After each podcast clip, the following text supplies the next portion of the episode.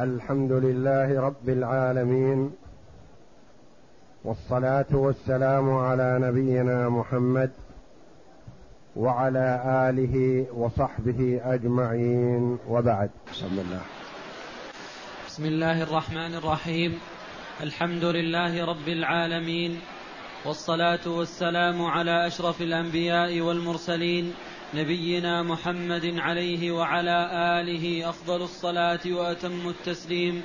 قال المصنف رحمه الله تعالى فإن قال إن أعتقت سالما فغانم حر ثم أعتق سالما قدم على غانم لأن عتقه أسبق. وإن قال إن أعتقت سالما فغانم حر مع حريته فكذلك لأننا لو أعتقنا غانما بالقرعة لرق سالم ثم بطل عتق غانم. لأنه مشروط بعتق سالم فيفضي عتقه إلى نفي عتقه. وإن قول المؤلف رحمه الله تعالى فإن قال إن أعتقت سالما فغانم حر. هذا داخل تحت الفصل الذي فيه عجز الثلث عن الوصايا أو العطايا. كيف يقدم وكيف يؤخر؟ من يستحق التقديم ومن يستحق التأخير أو يكون بالقرعة. إن عجز الثلث عن التبرعات. قال لنا رحمه الله في الدرس السابق قدمت العطايا على الوصايا لأن العطايا في حال الحياة والوصايا تتم بعد الوفاة لأنها أسبق ثم فصل في هذا رحمه الله. وقال فإن قال إن أعتقت سالما فغانم حر كأن يكون عنده عبدان سالم وغانم. فقال إن أعتقت سالم يعني حصل مني عتق لسالم فغانم حر. والثلث ضاق عن الاثنين. فلا يستوعب الاثنين في العتق. لا بد من النظر في هذا على أيهما يقع العتق. إن أعتقت سالم فغانم حر. إذا قلنا سالم نأخذه من الثلث يكون غانم حر. وإن قلنا غانم يكون حر لأنه مشروط بعتق سالم. فكيف يكون؟ قال إذا ثم أعتق سالم قدم على غانم.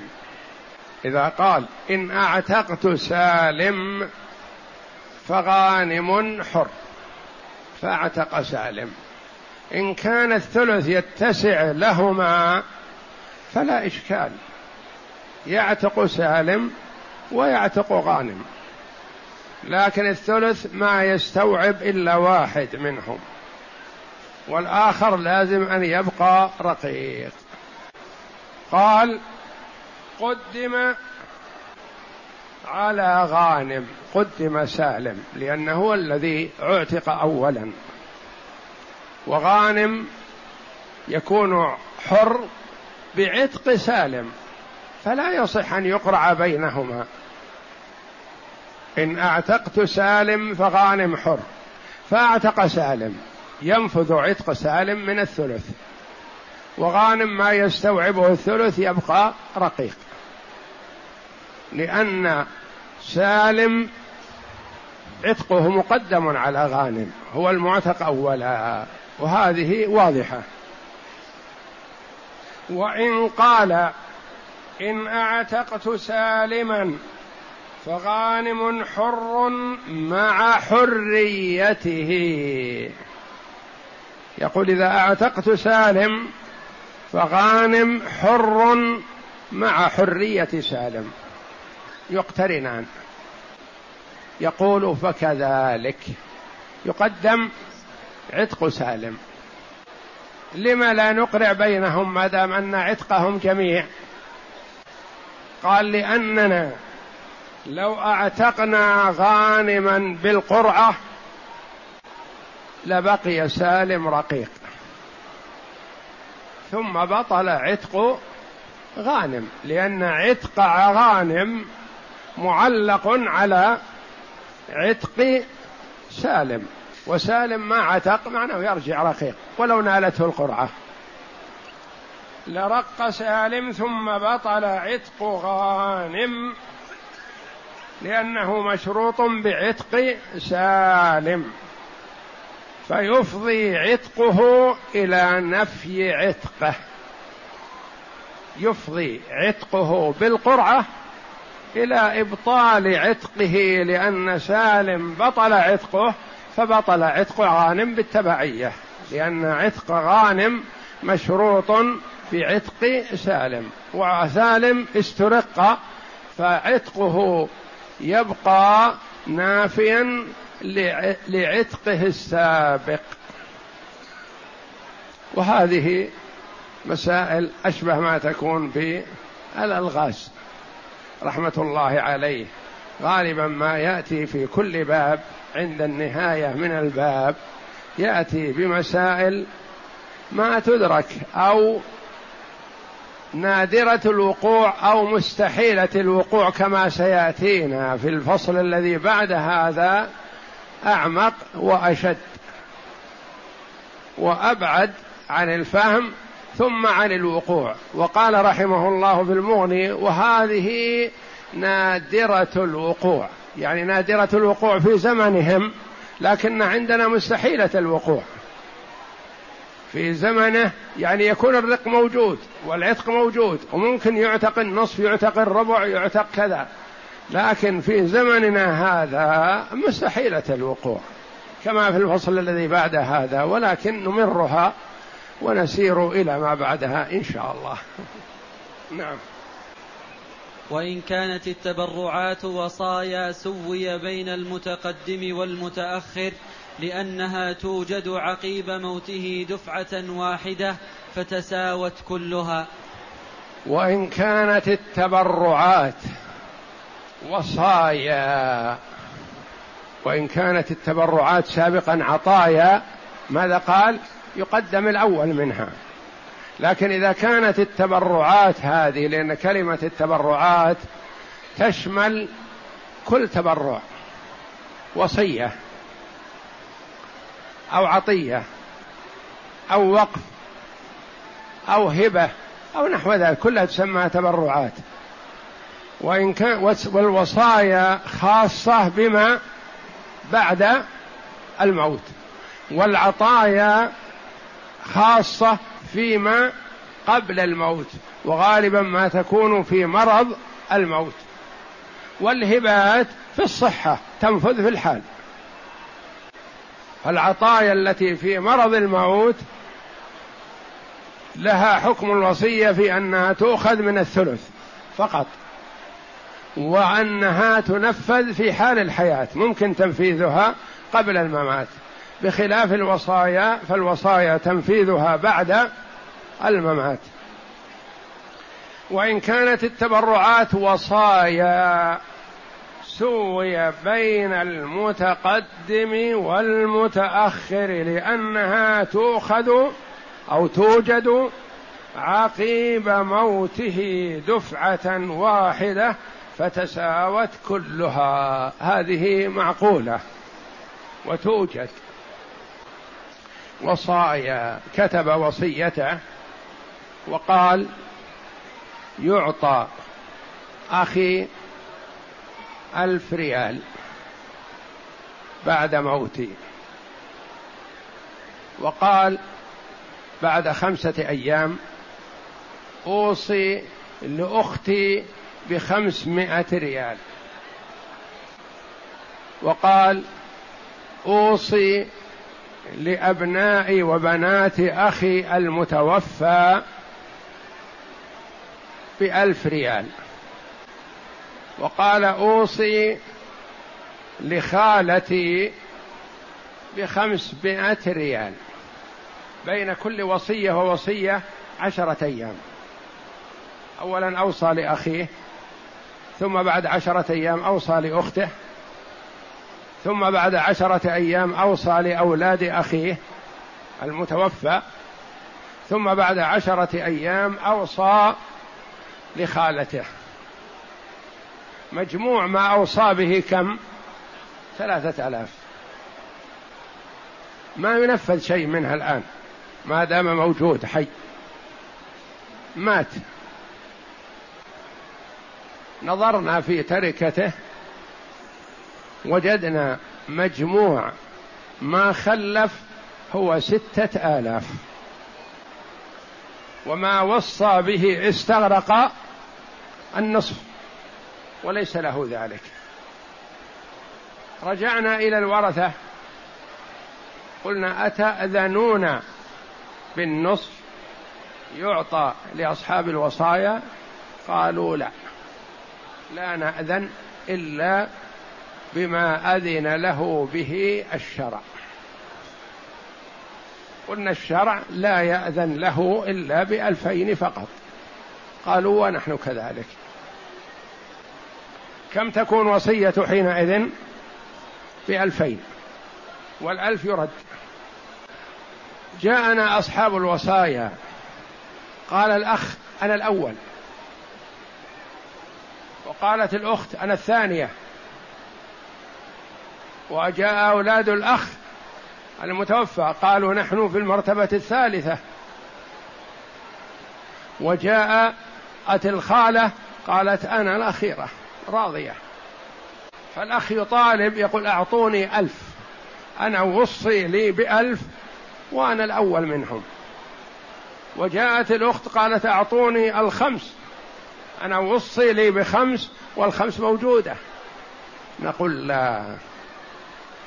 الوصايا الأول والأخير سواء.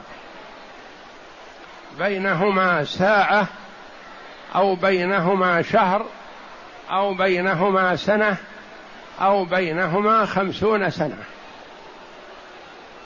وصى لأخيه وبعد خمسين سنة وصى لأخته. وبعد عشر سنين وصى لأولاد أخيه. بينهما سنوات طويلة. هل يبدأ بالمتقدم ويقدم على المتأخر؟ لا. لما؟ يختلف عن العطايا؟ نعم يختلف. لأن العطايا تكون بعد النطق بها. إذا قال أعطوا أخي ألف يقوم أحد الأولاد ويفتح الصندوق ويعطيه ألف. وهو حي. أعطيت أخي ألف؟ قالوا نعم. وهو حي. لكن إذا قال أعطوا أخي بعد مماتي ألف ريال هل يسوق أن يعطى وهو حي؟ لا. متى تلزم هذه العطية بخروج الروح؟ هذا هذه العطية المتقدمة والعطية المتأخرة متى تلزم بخروج الروح؟ كلها المتقدم والمتأخر من الوصايا كلها لزومة في وقت واحد في لحظة خروج الروح من الجسد. فحينئذ يسوى بينهم. ما لأحد على آخر ميزة وإنما يعطون بالنسبة. إذا كانت الوصية بثلاثة آلاف والمستحق من الوصية ألفين كل واحد يعطى ثلثي ما وصي له به. فإذا أعطي الأخ ثلثي الألف وأعطي أبناء الأخ أولاد الأخ ثلثي الألف وأعطيت الأخت ثلثي الخمسمائة. وأعطيت الخالة ثلثي الخمسمائة اكتملت ألفين. يعني بالنسبة يعطون. ما يقدم المقدم ويؤخر المؤخر وإنما يسوى بينهم لأن لزوم العطية الوصية بخروج الروح. وهذا معنى قول المؤلف رحمه الله وإن كانت التبرعات نعم اقرأ. وإن كانت التبرعات وصايا سوي بين المتقدم والمتأخر لأنها توجد عقيب موته دفعة واحدة فتساوت كلها. وهذه كثيرا ما يسأل عنها وهذه تقع وليست نادرة بل كثيرة. يوصي لشخص ثم بعد سنة أو بعد خمس سنوات يوصي لشخص آخر ثم بعد سنة أو خمس سنوات أو أكثر يوصي لآخر. فيختلف الورثة مع الموصى لهم. إذا كان أكثر من الثلث قالوا يبدأون بالمتقدم. نقول لا يسوى بينهم.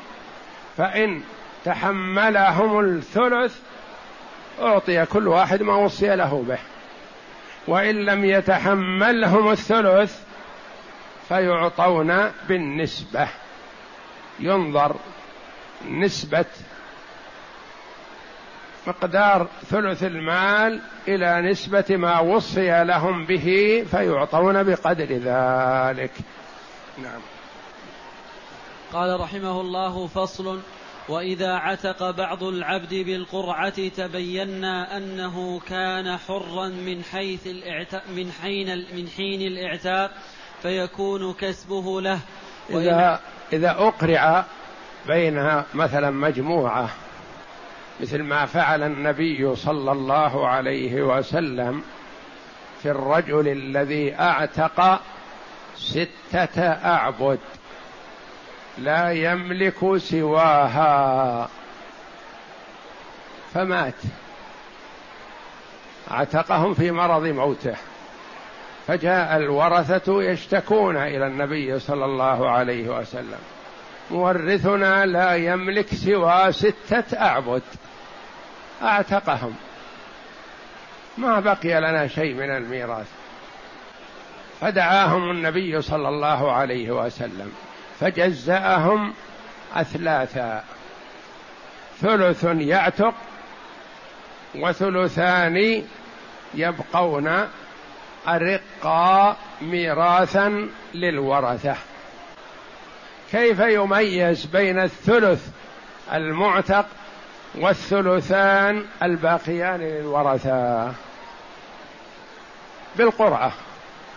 فالقرعة حل شرعي لمن تساووا في أمر ما وتشاحوا فيه. في كل شيء والحمد لله. يعني تحل كثيرا من الإشكالات والتنازعات. عشرة كلهم يريد الأذان كما حصل عند سعد بن أبي وقاص رضي الله عنه في فتح القادسية. عدد كلهم يريد الأذان. كل واحد يقول أنا أنا. نظرنا إليهم إذا الشروط والمواصفات منطبقة عليهم كلهم. فكيف نميز؟ ونحن لا نريد إلا واحد. فكيف نميز هذا الواحد؟ بالقرعة. الرجل يريد سفرا ويريد أن يصطحب واحدة من زوجاته الأربع أو الثلاث أو الاثنتين. وكل واحدة تقول أنا أريد السفر وهو يريد واحدة لأنه ما يتحمل يأخذ اثنتين أو ثلاثة أو أربع يريد واحدة معه في سفره هذا تخدمه وتقوم بشؤونه. كيف يميز بين الأربع أو الثلاثه والاثنتين بالقرعة فكان النبي صلى الله عليه وسلم إذا أراد سفرا وأراد أن يصطحب إحدى أمهات المؤمنين أقرع بينهن عليه الصلاة والسلام. فأي واحدة خرجت لها القرعة أخذها معه. هذا الرجل الذي أعتق ستة أعبد ما يملك غيرها. الورثة لهم حق لهم الثلثان مما ترك وله أن يعتق الثلث. كيف يميز بين الثلث من الثلثين؟ الثلث أحرار والثلثان أرقة يباعون ويشترون. بعدما تشوفوا للعتق واشتاقوا إليه ومنوا به ردوا إلى الرق. كيف يميز بينهم؟ بالقرعة. ميز بينهم النبي صلى الله عليه وسلم أقرع بين الستة بعدما جزاهم ثلاثة أجزاء فأرق أربعة وعتق اثنان. تميز هؤلاء الاثنان بالقرعة. فهذا قريب منه. إذا عتق العبد بالقرعة تبينا أنه كان حرا من حين الإعتاق فيكون كسبه له. هؤلاء الأربعة مثلا الستة الذين أعتقهم الرجل في حال حياته قبل مماته ليسوا وصية بل عطية منجزة. أعتق هؤلاء الستة وكلهم يشتغل يعمل. واحد كسب ألف واحد كسب ألفين واحد كسب خمسة واحد كسب ثلاثة وهكذا. ماذا نعمل؟ نميز العتق من الرقيق منهم بالقرعة. وقعت القرعة على اثنين بأنهم أحرار. من متى حريتهم؟ من بعد القرعة؟ أم من حين قال هم هم أحرار؟ بل الحرية تكون لهم من حين أعطاهم الحرية من حين أعتقهم. والأربعة يرجعون إلى الرق. ننظر إلى كسب هؤلاء الاثنين الذين كسبوا في هذه الفترة. قبل أن يقرع بينهم لمن يكون كسبهم؟ الأرقة للورثة كسبهم. وهؤلاء الذين عتقوا تبين لنا أن كسبهم لهم من حين اعتقهم سيدهم يأخذونه معهم. وهذا معنى قوله وإن عتق بعض العبد بالقرعة تبينا أنه كان حرا من حين الإعتاق فيكون كسبه له. يعني الكسب الذي كسبه بعد عتقه وقبل القرعة يكون له إذا خرجت له القرعة بالحرية. نعم. وإن, وإن عتق بعضه ملك من كسبه بقدره فلو أعتق عبدا لا يملك غيره قيمته مئة فكسب في حياة سيده مئة عتق نصفه وله نصف كسبه ويحصل للورثة نصفه ونصف كسبه وذلك مثل ما عتق منه.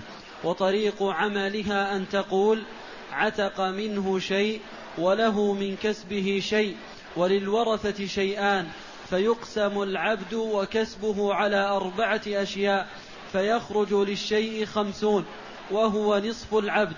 ولو كسب مثل قيمته مثلي. مثل ولو كسب مثلي قيمته لقل لقلت عتق منه شيء وله من كسبه شيئان. وللورثة شيئان فيعتق منه ثلاثة أخماسه وله ثلاثة أخماس كسبه وللورثة الخمسان. ونعدكم إن شاء الله أنه إن حصلت فستجدون من يحل من يحلها. نعم. قال رحمه الله فصل وإن وهب المريض مريضا عبدا قيمته عشرة, عشرة لا يملك غيره ثم وهبه الثاني للأول ولا يملك غيره فقد صحت هبة الأول في شيء وصحت هبة الثاني في ثلث ذلك الشيء بقي له ثلثا شيء ولورثة الأول شيئان أبسط الجميع أثلاثا تكن ثمانية والشيء ثلاثة فلورثة الأول ستة هي ثلاثة أرباع العبد ولورثة الثاني ربعه. وهذه مثل الأولى إن شاء الله. نعم. قال فصل ولو تزوج المريض امرأة صداق مثلها خمسة فأصدقها عشرة لا يملك غيرها فماتت قبله ثم مات فقد صح لها بالصداق خمسة وشيء وعاد إلى الزوج نصف ذلك ديناران ونصف ونصف الشيء فصار لورثته سبعة ونصف إلا نصف شيء تعدل شيئين اجبرهما بنصف شيء تصير شيئان ونصف تعدل سبعة ونصفا ابسطهما. ابسطها. ابسط ابسطها. تصر خمسة تعدل خمسة عشر. فالشيء إذا ثلاثة فلورثة الزوج ستة ولورثتها أربعة. إن جاءوك فستجد من يعينك إن شاء الله. فصل لأنه و... من المعلوم أنه إذا أصدقها لو المسألة مسألة الصداقة هي فقط لكن أصدقها ثم ماتت قبله ثم مات هو تراجعوا. وإلا إذا أصدقها أكثر من حقها مثلا ومات فإن الورثة من حقهم أن يسترجعوا ما زاد عن صداق مثلها. مثلا إذا تزوج المريض امرأة صداقها عشرة ولكنه أصدقها عشرين ثم مات. نقول ما يملك أن يصدقها عشرين لأنه محاباة هذا. أعطاها أكثر مما تستحق. فنقول للمرأة لك عشرة صدقوا مثلك. والعشرة الأخرى تكون ميراثا وتأخذين نصيبك منها كزوجة. وأما هي لك فلا لأنه حاباك بذلك. نعم. فصل. وإن باع المريض عبدا لا يملك غيره قيمته ثلاثون بعشرة فأسقط الثمن من قيمته ثم انسب ثلث العبد كله إلى الباقي من, من ثمنه. يكن, نصف يكن نصفه فيصح البيع في نصفه بنصف ثمنه ولو اشتراه بخمسة عشر كانت نسبة الثلث إلى باقيه بثلثين فيصح البيع في ثلثيه بثلثي ثمنه.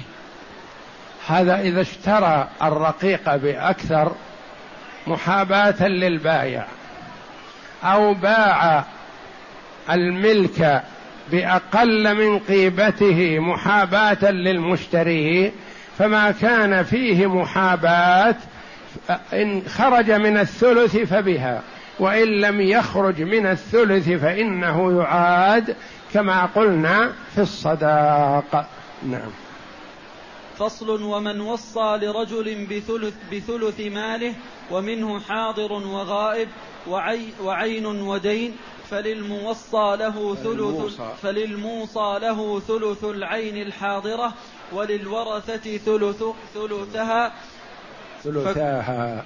وللورثة ثلثاها فكلما فكلما اقتضي من الدين شيء أو حضر من الغائب شيء اقتسموه أثلاثا لأنهم شركاء فيه وإن وصى بمئة حاضرة وله نعم.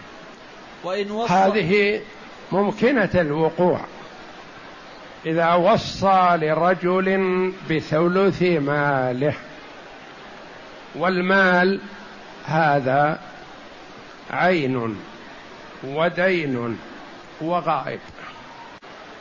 وصى لرجل بثلث ماله. والمال عين يعني موجود بين أيديهم. ودين في ذمم الرجال. وغائب بضاعة في سفر. ما يدرى متى تجي وتصل. وصى له بالثلث. مات الرجل. قلنا مثلا كم مقدار المال؟ قالوا مقدار المال تسعة آلاف أو ريالات أو ملايين أو أيا كان تسعة. قال الرجل الموصى له بالثلث. أعطوني نصيبي. كم نصيبك؟ ثلاثة. لأنه موصى له بالثلث. قال الآن بين يديكم ثلاثة ثلاثة آلاف أعطوني إياها. هذا المال ثلثه عين موجود وثلثه دين في ذمم الرجال وثلثه بضاعة في الخارج. ما ندري متى تصل أو تصل أو لا تصل. جاء الموصى له وقال أعطوني ثلثي هذا الذي بين أيديكم. هل يسوق هذا؟ لا لأن ما ندري الآخر هذا يجي ولا ما يأتي. ثلث عين بين أيديهم وثلث دين وثلث غائب. وقد وصى لزيد بالثلث فجاء زيد يريد حقه. ماذا نعطيه؟ نقول أنت لك الثلث من كل شيء. حتى من حذائه التي كان يلبسها ومن مشلحه الذي غطي به حال وفاته ومن ثيابه التي كانت عليه. أنت شريك الورثة في الثلث. يقول أعطوني الثلث هذا بين أيديكم الآن الثلث. أعطوني إياه وأنتم يأتي نصيبكم. نقول لا.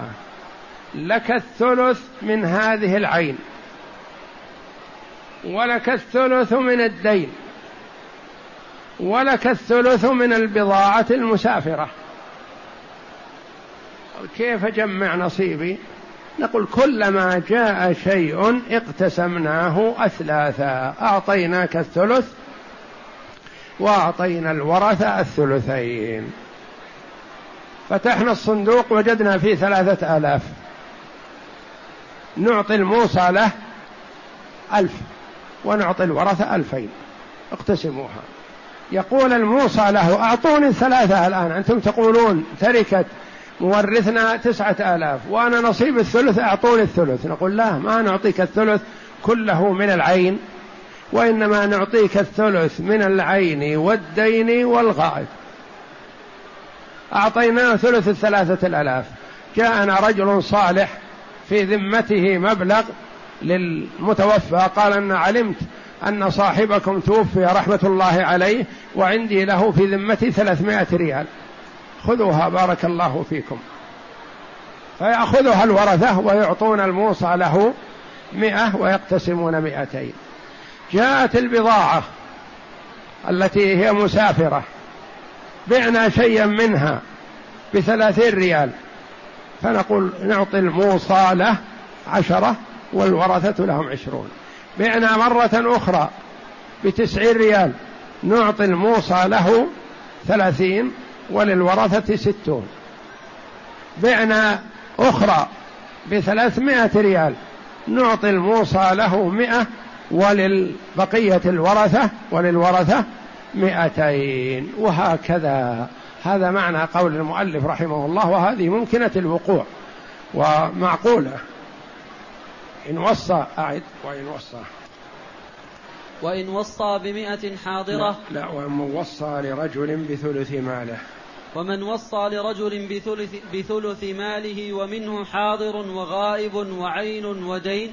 فللموصى له ثلث العين الحاضرة وللورثة ثلثاها فكلما فكلما فكلما اقتضي من الدين شيء أو حضر من الغائب شيء اقتسموه أثلاثا لأنهم شركاء في الثلث. هذا واضح. يعني يكون له الثلث من كل شيء جاء سواء كان بضاعة أو دين وسدد أو دراهم وجدت في الصندوق. نعم. وإن وصى بمئة حاضرة وله مئتان غائبة أو دين ملك الموصى له ثلث الحاضرة وله التصرف فيه في, في الحال لأن الوصية فيه نافذة فلا فائدة في وقفه. ووقف ثلثاها فكلما حضر من الغائب شيء أخذه الوارث واستحق الموصى له من الحاضرة قدر ثلثه. نعم مثل ما تقدم. نعم. وإن تلفت الغائبة فالثلثان للورثة وكذلك لو دبره عبده ومات ولو دين ولو دين ولو دين مثلاه عتق ثلثه ووقف ثلثاه لما ذكرناه. نعم. يعني أنه ما ينفذ من الوصية إلا بقدر ما كان جاهز موجود لأن الدين لا يدرى يأتي أو لا يأتي الغائب لا يدرى يأتي أو لا يأتي.